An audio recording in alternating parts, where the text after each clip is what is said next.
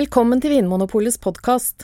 I panelet i dag sitter programleder Trond Erling Pettersen og varefaglige rådgivere Anne Engrav og Anders Stueland.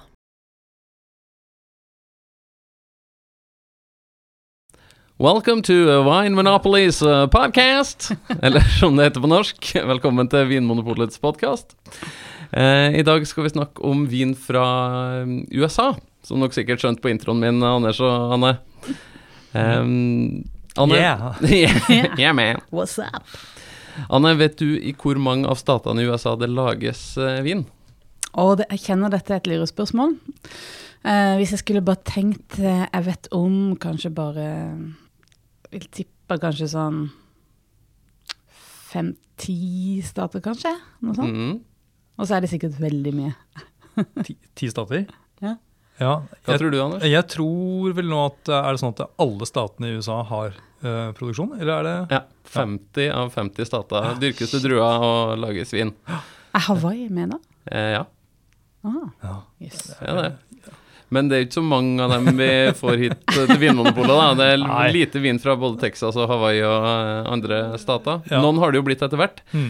Eh, Men i dag skal vi snakke om vin fra California, som er den mest kjente, og den det fins flest viner av her hos oss òg. ja. Og det er jo de som lager mest vin også i USA. Ja da.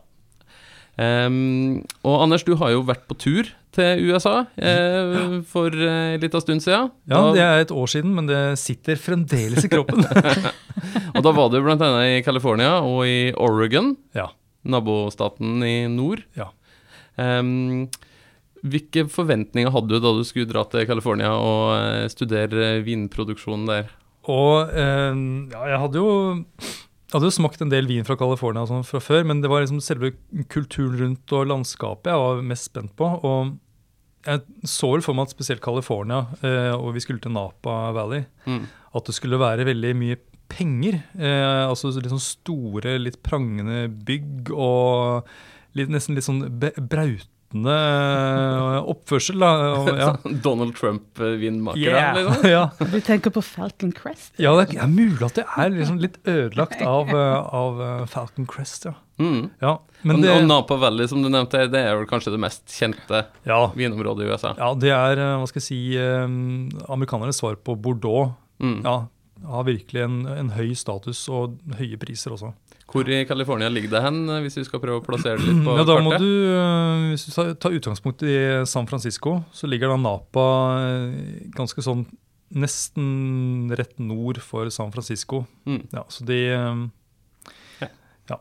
Ikke så langt unna. Det er en kort kjøretur unna. Ja. Anne, hva er det første du tenker på når jeg sier rødvin og hvitvin fra California? Em, ja, jeg får fort litt sånne klisjébilder i, i hodet, da. Det er litt Mm. som når man tenker på, tenker på en amerikaner, så ser jeg for meg litt sånn Stetson Hot og litt sånn Som spiser burger og sånn. Og det er litt sånne viner nå. At jeg jeg ser for meg f.eks. en hvitvin, at den er eh, ganske sånn, svær eh, vin med en del alkohol og kanskje en del sånn, tydelig fat. Mm. Eh, Mye av alt, liksom? Mye alt. Liksom barbecue-saus. men, men det er klisjeen, da. Og det Ja. er jeg jo så klar over at det er jo mye mer nyansert enn det. Hatt Mm. mange spennende amerikanske vinopplevelser. Da. Mm. Men det er liksom det første som slår meg, Mm. fremdeles. Eh, og Anders, når du var på tur bort i USA, så møtte jo du en del eh, vinmakere. Ja, Så- jeg gjorde det. Mm. Og du hadde med deg eh, heldigvis en lydopptaker, så du fikk eh, intervjua noen av dem. Ja da. Og jeg tenkte istedenfor at vi skal sitte her og fortelle hva en klassisk eh, Napa Valley Cabernet Sauvignon, som kanskje er den aller mest kjente vinstilen fra det aller mest kjente området i i California Istedenfor at vi skal fortelle hva den smaker, så kan vi heller la eh, en vinmaker derifra fortelle hva en eh, klassisk Napa Cabernet smaker. Så da skal vi høre hva Cathy Corrison har å si om den saken.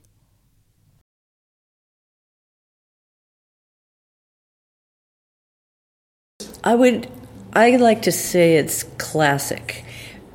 Um, there, there was there's fashion in wine, just like there's fashion in everything else, and in styles of wine, and fashion comes and fashion goes. But I feel like I'm making classic Napa Valley Cabernet that um, is long lived and graces the table, and um, is balanced.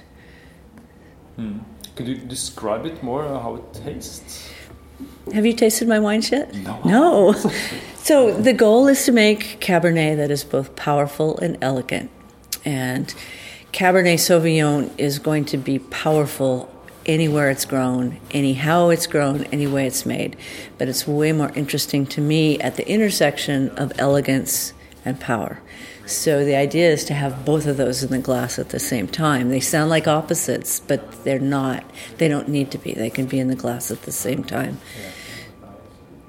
Is that answering your question? Yeah, that's, that's So, so my goal, I, I believe that, that we can grow Cabernet as well or better as anybody, any place in the world. And that's because it's hot enough here to get Cabernet ripe, but as you can feel this morning, it gets very cold every night. So there's a wonderful combination of enough heat to get Cabernet ripe, but cold nights for inky color, complex flavors, and good natural acidity. So my goal has always been to balance that. So these wines are fully ripe, but they're picked while they're still fresh red and blue fruit flavors in there with the purple and black, and meaning cherries and blueberries, as well as cassis, plums, grading into blackberries. So, in a nice, long, cool season, I can get all those flavors in the glass. So, I pick earlier. I want moderate alcohols. I um, want What does that mean? Moderate is under 14%. Um, most years it's difficult to get Cabernet ripe here any lower than that. But I find that I've always been able to get Cabernet ripe here with alcohols under 14 hmm. by my definition of ripe. Hmm. And how about the use of oak? Is it different from uh, the, more modern style of uh, Cabernet? Well, there are there are there are producers that use all new French oak. I've always chosen not to. It's all French oak, but only 50% of it's new each year.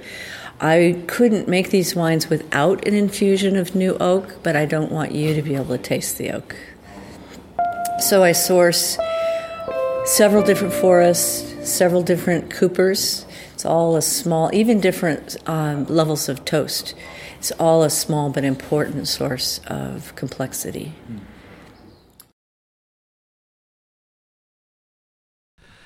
Ja, Anders. Mm. Eh, vi hørte jo her Cathy Corrison, en eh, grand old lady i Napa Valley, California. Ja, hun er virkelig det. Og hva var det hun kunne fortelle oss om, eh, kort oppsummert, om eh, Cabernet Sauvignon fra Napa Valley? Ja, hun har jo holdt på der i mange mange år og kan virkelig dette her. Og hun har gjort noen valg tenker jeg, som skiller henne fra en del andre produsenter i området. Eh, men hun sier da at eh, klimaet i Napa er perfekt for å, å modne Cabernet Sauvignon. Det her er jo en, måte, en av de store druene i Bordeaux, som kanskje er Mm. verdens mest kjente vinområde. Og, Ja. og det er jo Bordeaux som er liksom anerkjent som hjemlandet Ja, til Cabernet Sauvignon. ja og, og Napa er vel kanskje litt, litt varmere enn eh, de fleste stedene i Bordeaux, så det er lett å få modne nok druer. Så det Cassie sier, er at eh, hun plukker gjerne litt, eh, litt tidligere enn en del andre produsenter. Mm. eh, Og gjør det for å beholde friskheten i, eh, i vinen. Da. Og for Mm. å få litt mer kompleksitet, som hun sier. Både innslag av røde, men også disse mørke bærene, som er mer typisk. Mm. Anne, det høres litt ut som eh, det her er kanskje noe nytt. Det er liksom, hun snakker om balanse i både at du ikke bruker så mye ny eik, som ikke skal sette så mye smak på vinen, og vil ha litt friskere viner. Mens det, den klassiske Napa Caberneten er kanskje litt mer sånn som du var inne på med det her mer av alt-stilen. Mm. Ja, eh, det er kanskje det vi forbinder det mest med, som vi har sett de mest berømte vinene derfra. Men, men det har kanskje ikke alltid vært sånn at det er en, en trend som først slo virkelig an på sånn 80-tallet, der alt skulle overdrives litt. Alt skulle være høyt og stort og bredt. Ja, vi snakket om skulder, skulderputer og, og høyt hår og boble, bobleball. Man, man nektet seg ingenting. Det var liksom Miami Vice-vina på 80-tallet som lukta kokos og vanilje, og den var både høy og brei. Ja. Ja. Men eh, det høres jo her ut da som Altså, hun, Cathy Corrison her sier jo vi kan lage Cabernet Sauvignon like bra som i resten av verden. Og Ja. da inkluderer jeg jo Bordeaux, f.eks. Ja. Eh, hva er det de vinene fra California har som en Bordeaux ikke har, da, f.eks.? Oh, et vanskelig spørsmål, men eh, det er kanskje noe med at de er litt rikere i, i frukten, på en måte. Eh, at uh, bordeauxene gjerne kan virke litt, eh, litt strammere og litt mer eh, ja, Introverte, kanskje. introvert. Ja, det er godt, eh, godt sagt, Anne. Mm. Ja. Og så, selvfølgelig, amerikanerne er mye mer eh, utadvendt. De de sier jo 'Hi, how are you doing?' og sånn er viner litt også. Men jeg syns det er litt interessant at eh, de temperaturene er så utrolig forskjellige på, på dagtid og nattestid. Sånn at det Mhm. blir et sånn veldig sånn skille som, som får fram forskjellige ting i, i, i vinen. da. Mm. Dette med friskhet og den veldig rike, modne frukten. Og Napa har jo det at den, den ligger jo da altså eh, Inngangen til Napa, altså dalen, eh, ligger ned mot eh, en sånn en fjord, eller på en måte hva skal jeg hva, altså Mm. nord for San Francisco. Så det kommer havtåke inn og siger da innover i, i Napa Valley. Mm. Så og spesielt den eh, Ja, for det er en dal. Det er en dal, altså den sørligste Det delen. ligger navnet han, det heter Napa Valley. Så det, du, du fikk et hint der. tenkte kanskje det var et image. Men det er nesten, altså, eh, hver dag så kommer denne havtåken inn, og så blir den liggende eh, en god stund utover dagen og skjerme da mot sollys. Så Det Mm. gjør at vinmarkene som ligger da eh, i bunnen av eh, dalen, den, de eh, blir ikke like varme. sånn at eh, Mm. Det beholder da, gjør at beholder friskheten Ja. i druene. Det blir ikke så mye liksom preg av eh, varme, kokte bær eller tørka frukt som i en del andre varme vindistrikt. Mm. Mm.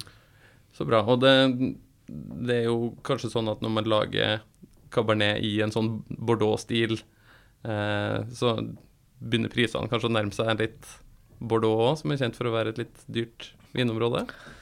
Kjempe, det, er, det er dyre viner, ja. Mm. ja. Og det er jo nesten umulig å kjøpe vinmarker i Napa nå. Og skal du kjøpe druer til å lage din egen vin, så koster også det veldig veldig mye penger. Mm. Så det er, eh, Nå har det kommet dit at det er utenlandske investorer for eksempel, som kjøper opp enten merker eller, eller vinmarker og gjør- spekulerer rett og slett i det. Jeg tror det er noe av det dyreste jordbruksarealene du kan kjøpe i verden. Det er Ja. liksom Burgund og Napa Valley og noen steder i Bordeaux. Anne, du er jo vår ekspert på eh, mat og drikke. Mm. Eh, og hvis man da skal slå på Var ikke du klar over det? Ikke, ikke lente meg bort et øyeblikk. Ja. Hvis vi nå, nå har slått på stortromma og kjøpt inn en flott Napa Valley Cabernet Sauvignon, hva skal vi servere den til? Eh, Nei, altså sånn umiddelbart så tenker jeg eh, sånn plankeløsninger der ville jo gått for en skikkelig biff. Plankebiff? Skikkelig plankebiff. For å ta 80-tallet inn igjen i varmen? Nei, men det er liksom det er Det er her. kjøtt litt sånn der eh, sånn, Som man tygger mye, og det er litt sånn blod og Mm. Ja, er det, er det litt sånn det snerpende, tanninrike viner det her òg, sånn som Bordeaux kan være, eller får man litt mer fløyel fordi man er i USA? Ja, De er veldig flinke med tannin. altså Vinene snerper, de gjør jo det. Men eh, vinmakerne i USA er veldig godt eh, hva skal jeg si, trent eller opplært. De, eh, det er klart, de, Noe går jo arv fra eh, mellom generasjoner her også, men mye har de rett og slett bare lært på skolen. sånn at det er, eh, ligger mye forskning bak, så de vet mye hvordan de skal behandle druene for å få eh, nok fasthet i vinen, men uten at det blir for snerpete. Så jeg, jeg vil si generelt eh, mindre snerp i eh, California Cabernet enn Mm. Bordeaux. God er litt- munnfølelse, som vi snakker litt om. Og det har vel litt med modninga igjen å gjøre også, Mm. at du får sånne modne tanniner. Mm. Men allikevel så tenker jeg at eh, Mm. et skikkelig realt Skikkelig kjøttmåltid. kjøttstykke Mm. Så flott. Da tror jeg vi har dekt eh, Cabernet Sauvignon fra Napa Valley, med mindre noe dere har lyst til å formidle om det. Jeg kommer ikke på meg. Da tror jeg kanskje vi skal eh, straks gå videre, Anders, til en annen person du snakka med i California. Ja. For det er ikke bare Napa Valley som er et spennende område i California. Det er ikke bare Cabernet Sauvignon som eh, brukes av druer der. Um, Anders, du har møtt en som heter Steve Mathiasen. Mm. Uh, og han uh, er litt i andre enden av skalaen, holdt jeg på å si. Han uh, bryr seg ikke bare om Cabernet Sauvignon. Han utforsker hvilke muligheter som finnes med andre druer enn enn dronning av Napa Valley. Ja, ja, virkelig. Han, eh, han nesten sånn at han samler på druesorter. Mm. Um, han lager vin på Cabernet Sauvignon også, men eh, litt fordi at eh, prisene er så høye og det er så vanskelig å få tak i Cabernet Sauvignon, så eh, er han og mange andre litt yngre vinmakere eller produsenter nesten tvunget til også å se på andre druetyper. Mm. Og de finnes jo, mm. fordi eh, eh, når det kom innflyttere fra Spania, Frankrike, Italia, så tok de gjerne med seg eh, sine lokale druesorter og plantet. Mm. Så det fins en del eh, vinmarker med eh, mer eller mindre ukjente druesorter Mm. som eh, fremdeles står i California. Men han, det er litt sånn i California at det er på en måte de store, kjente europeiske druene som, som regjerer. Vi har jo nevnt Cabernet Sauvignon. eh, Ja, Hvilke ja, andre er liksom de første som popper opp i hodet når du tenker på Ja, det er Chardonnay som er liksom den andre kjempesvære. som er hvitvinsdrua? Ja, og, og det er jo også litt sånn som utenfor Europa, vinland utenfor Europa, de, de markedsfører seg jo gjerne med druenavnet. Så da er det jo veldig fort gjort å henge seg på en sånn der eh, merkevare, type Mm. Chardonnay eller Sauvignon Blanc. Og det er vanskeligere inn Refosco eller du, ja. du kan liksom ikke, som i Europa, ofte henge seg på et um, Altså bruker uh, geografien til å, å markedsføre seg med, eller Mm. mm. Så Chardonnay, Cabernet Sauvignon, Mm. Pinot Noir er jo en Ja. eh, kjent eh, drue fra Europa som har brukes en del i California. Så er det Sinfandel, da, som, er, Ja. som amerikanerne markedsfører som sin egen drue. Men det har vist seg at det er den samme druen som heter Primitivo eh, i sør i Italia. Mm. Og som egentlig ikke dyrkes så mange andre steder. Nei. Så det var jo en, hva skal jeg si, en veldig lokal druesort, men som har blitt um, veldig kjent i USA. Som utvandra til USA, som så mange andre. Ja, Og gjorde det stort. Og gjorde det stort. Men da tror jeg vi skal ta og høre på Steve Mathiasen og høre hva han har å fortelle om alle sine druetyper i California.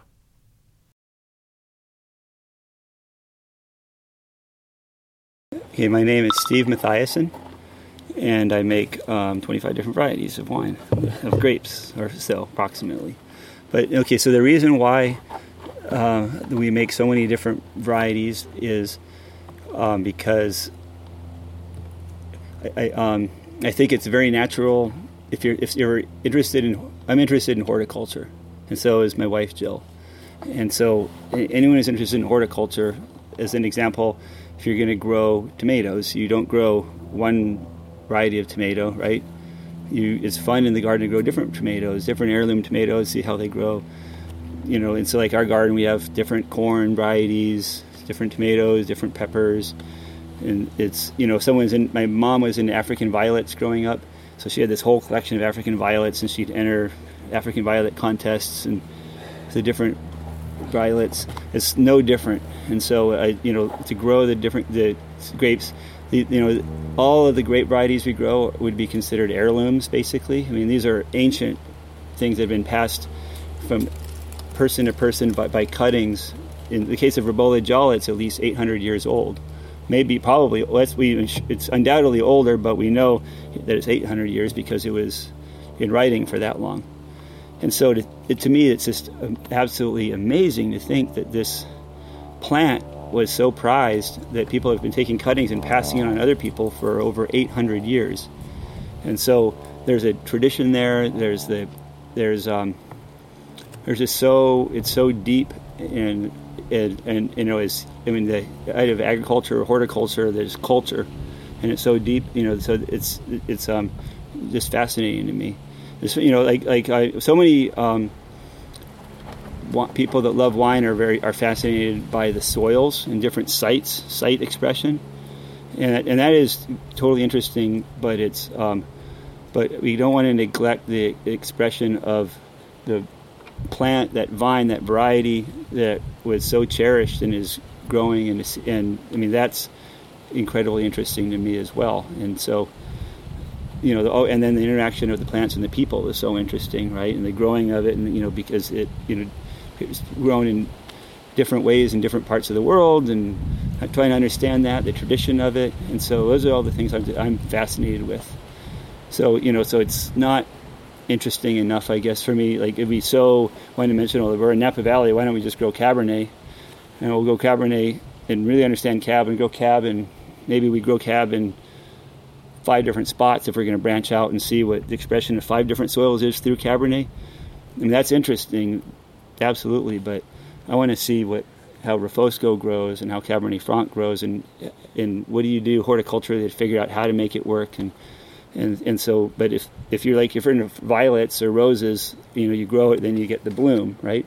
For us, the, the, the bottle of wine is the bloom. Okay. You know, we grow it all year, and then you get to see it bloom into that into that wine, and it, you know, it's Will you stop at 25 or will you continue? Um, that's a good question. We're gonna uh, let's say I'm going to pause at 25. Although we have some coming online like this, and so so um, so maybe we're just going to slow down a little bit. But but um, but yeah, I don't see any reason to not keep exploring varieties.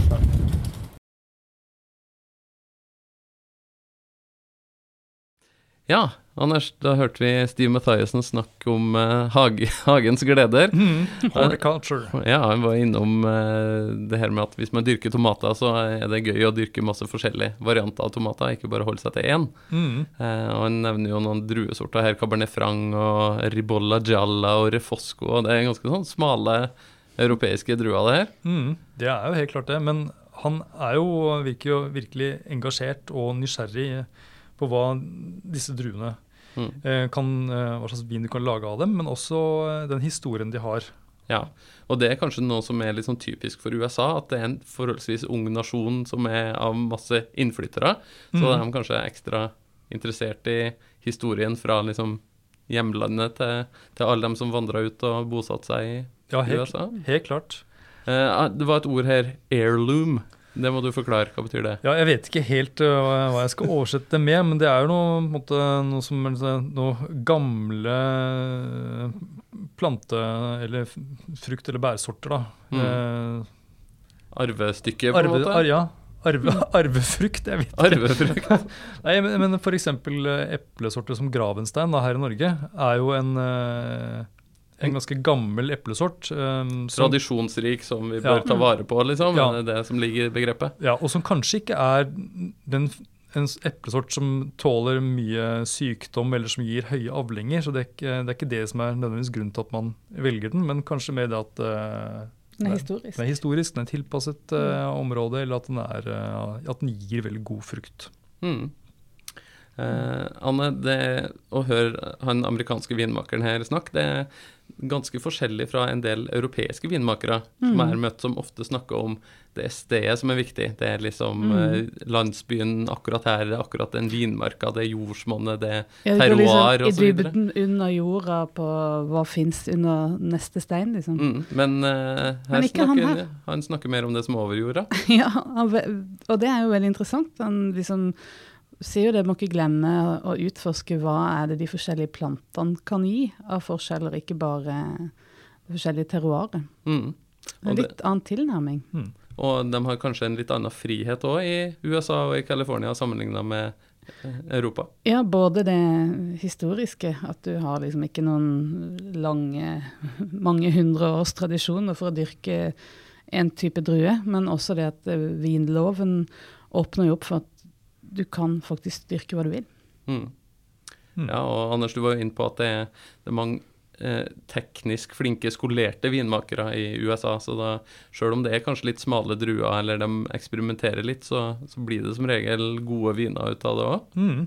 Ja, det, det er i hvert fall eh, sånn som jeg erfarte det. Mm. Eh, hvordan er det? Er det sånn at de fleste eh, vinmakere i USA eier sine egne vinmarker, sånn som det ofte er i, i Europa? At familien eier sine vinmarker, og så lager de vinen der, eh, av druene derifra etterpå? Det er veldig forskjellig, men som eh, vi var inne på i stad, at eh, en del av områdene i California er allerede altså, veldig etablert. og det er ikke så lett å få kjøpt uh, vinmarker, og det er heller ikke så lett å få etablert nye vinmarker, faktisk. Uh, Napa vet jeg har veldig strenge regler for uh, det å ta skog og, og gjøre det om til vinmarker. Mm. Det er nesten ikke lov, faktisk. Nei. Så det gjør jo at skal du ha druer nå, og du er ganske ny da, som, i området, så, så må du rett og slett kjøpe kjøpe eh, druer fra eh, noen som eier vinmarker. Ja, Hvordan foregår det? Er det en slags sånn børs der man kjøper, kjøper druer? Eh, nei, det fins ikke noe sånne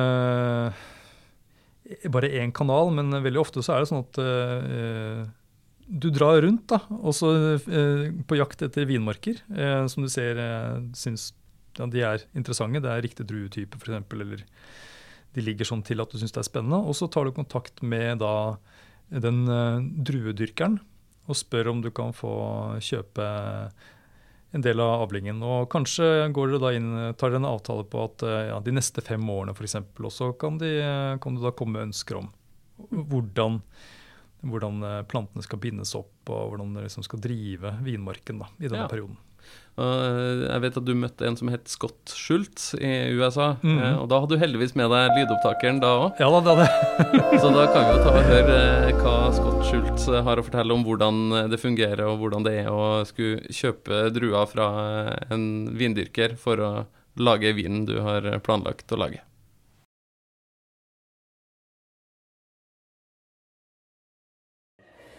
Um, we don't own any of our own vineyards. So we just we we collaborate and work with growers and farmers, um, always trying to find the best quality, the most interesting. Uh, usually, you know, you're always on the hunt for really great soils. That's that's kind of the the basic part of it.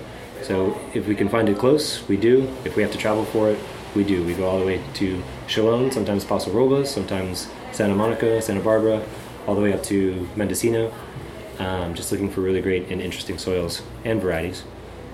Um, what else? What else did you want to know? Uh, is it easy to get this uh, hold of this uh, vineyards or grapes from these vineyards? Sometimes yes, sometimes no. It's competitive. Uh, even though we all are friends and collaborate, you know, there's a vineyard that we use for Wingat that we take most of the fruit from. But you know, when there's Chenin and super old vine Carignan and old Petit Syrah, and we call our friends and say, "Would you guys be interested?" And we try to keep it all within the community. Uh, most of the growers are amazing. Um, they want to grow the best produce they can. Uh, most of them are organic and/or biodynamic, usually sustainable. Uh, but sometimes there has to be more of conversation. Should we, should we or should we not water? Should we drop more fruit? Should we leave more leaves on the sun side? Whatever it is, you know, uh, there has to be a conversation but most of them do all of the work and execute all the work themselves perfectly. Yeah, so you just tell them what to do in the vineyard. Yeah. yeah. Uh, and every every grower, if you were buying fruit from the same vineyard, we might have a different idea of what we wanted, maybe a certain for a different sugar or bricks level. Um, so we accommodate. If you wanted, you know, less or more fruit on the vine, if you wanted it to hold eight tons in your block and our block is only going to have five, then we adjust. Okay.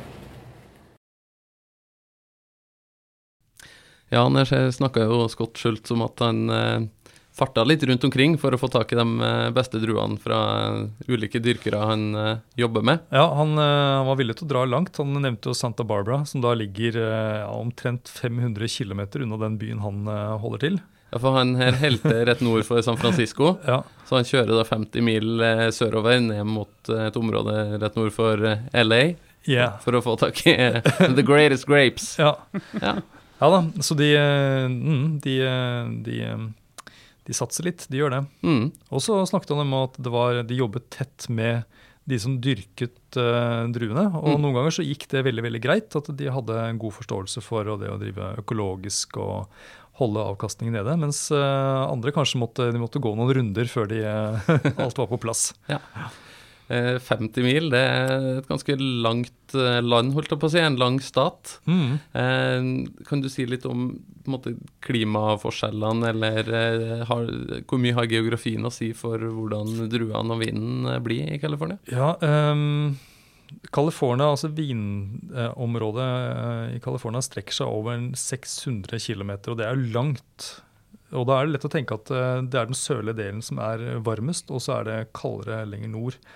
Men det som utgjør den store forskjellen faktisk eh, når det gjelder klima, er om det ligger nært kysten eller lenger inn i landet.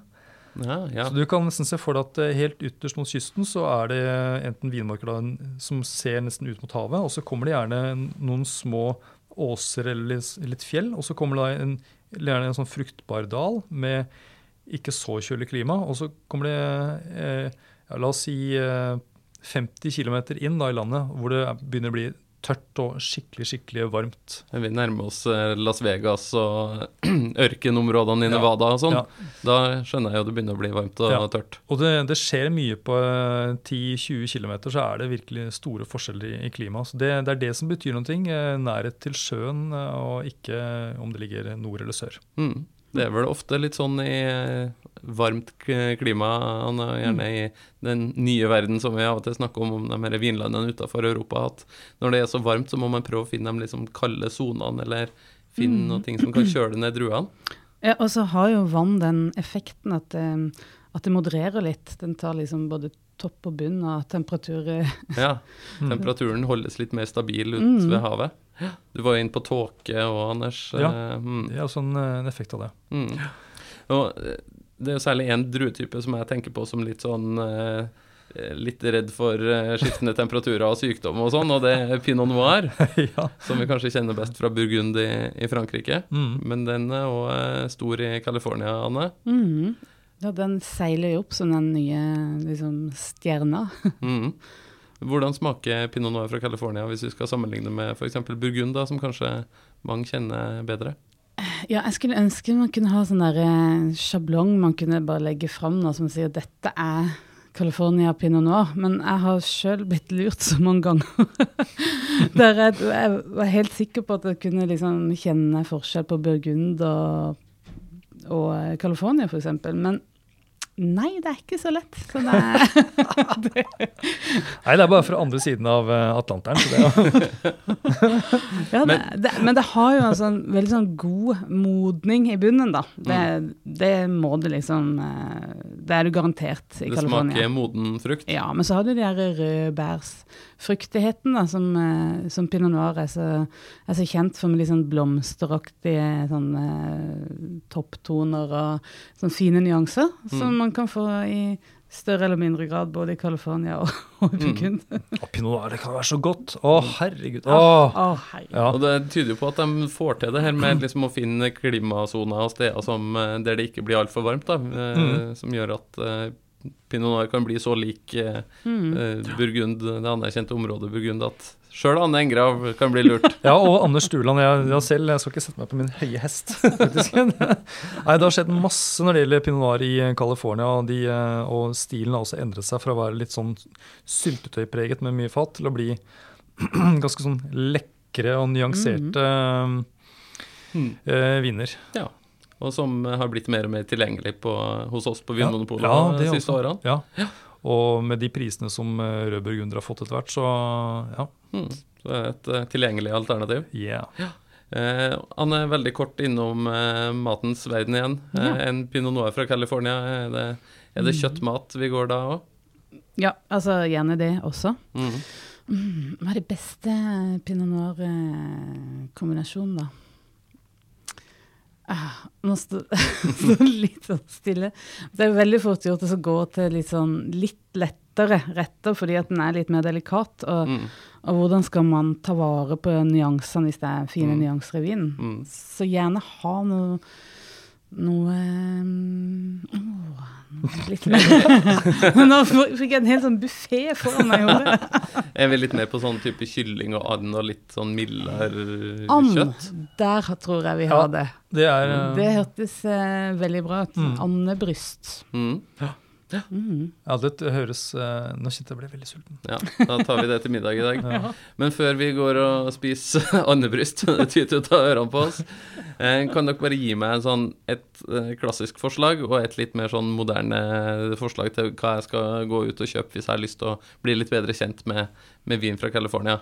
Anne, hva er klassikeren som, eh, som jeg liksom bør ha som referanse?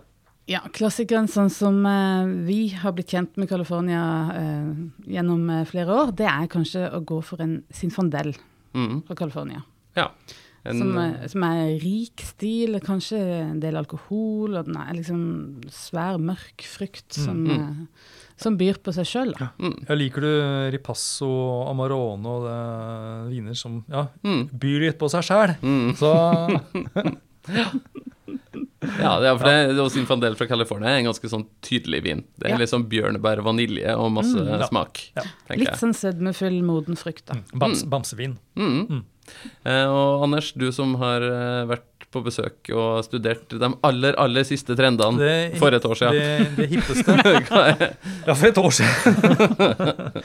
uh, ja, nå har vi jo snakket om pinot noir, den har blitt såpass etablert, så det er jo liksom gammelt nytt. Uh, men jeg vil jo si at sånn som uh, Chenin Blanc, for eksempel, eh, men også Syrah, for eksempel, eller Mm. Cabernet Franc, hvis du får kloa i det.